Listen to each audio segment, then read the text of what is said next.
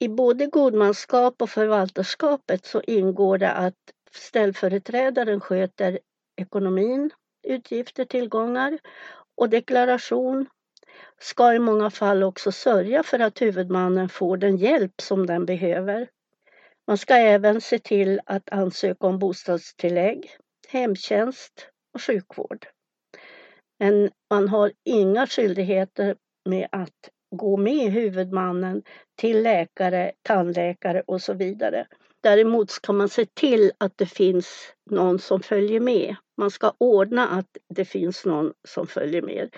Vad du kan göra som god man, det är ju att du kan beställa flyttfirma och städare utan att få ett medgivande från huvudmannen.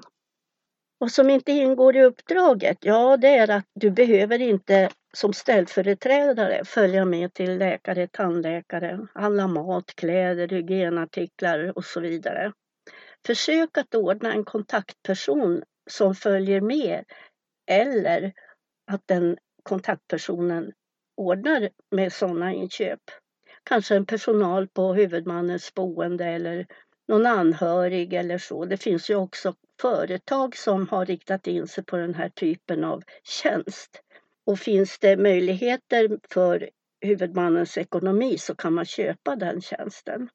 Om det nu är tvunget att du som ställföreträdare måste följa med huvudmannen om den överhuvudtaget ska komma iväg till vård.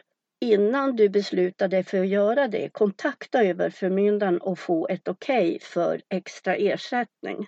Annars så kanske du inte får det. Och samma sak gäller det också om du måste använda dig av din bil för att besöka huvudmannen. Men kom ihåg att du ska inte ta med huvudmannen i din bil om ni ska åka någonstans. Skulle en olycka vara framme täcker inte din försäkring.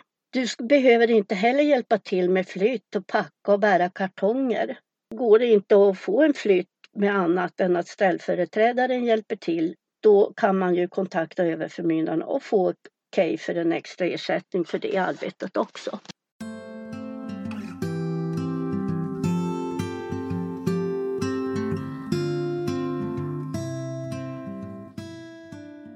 Det får bli tack för nu. Kom ihåg att ställa dina frågor på www.gmfpodden.se eller att du går till Instagram och i kommentarsfältet kan du skriva ner dem. Vi hörs igen om tre till fyra veckor. Ta hand om dig. Hej så länge!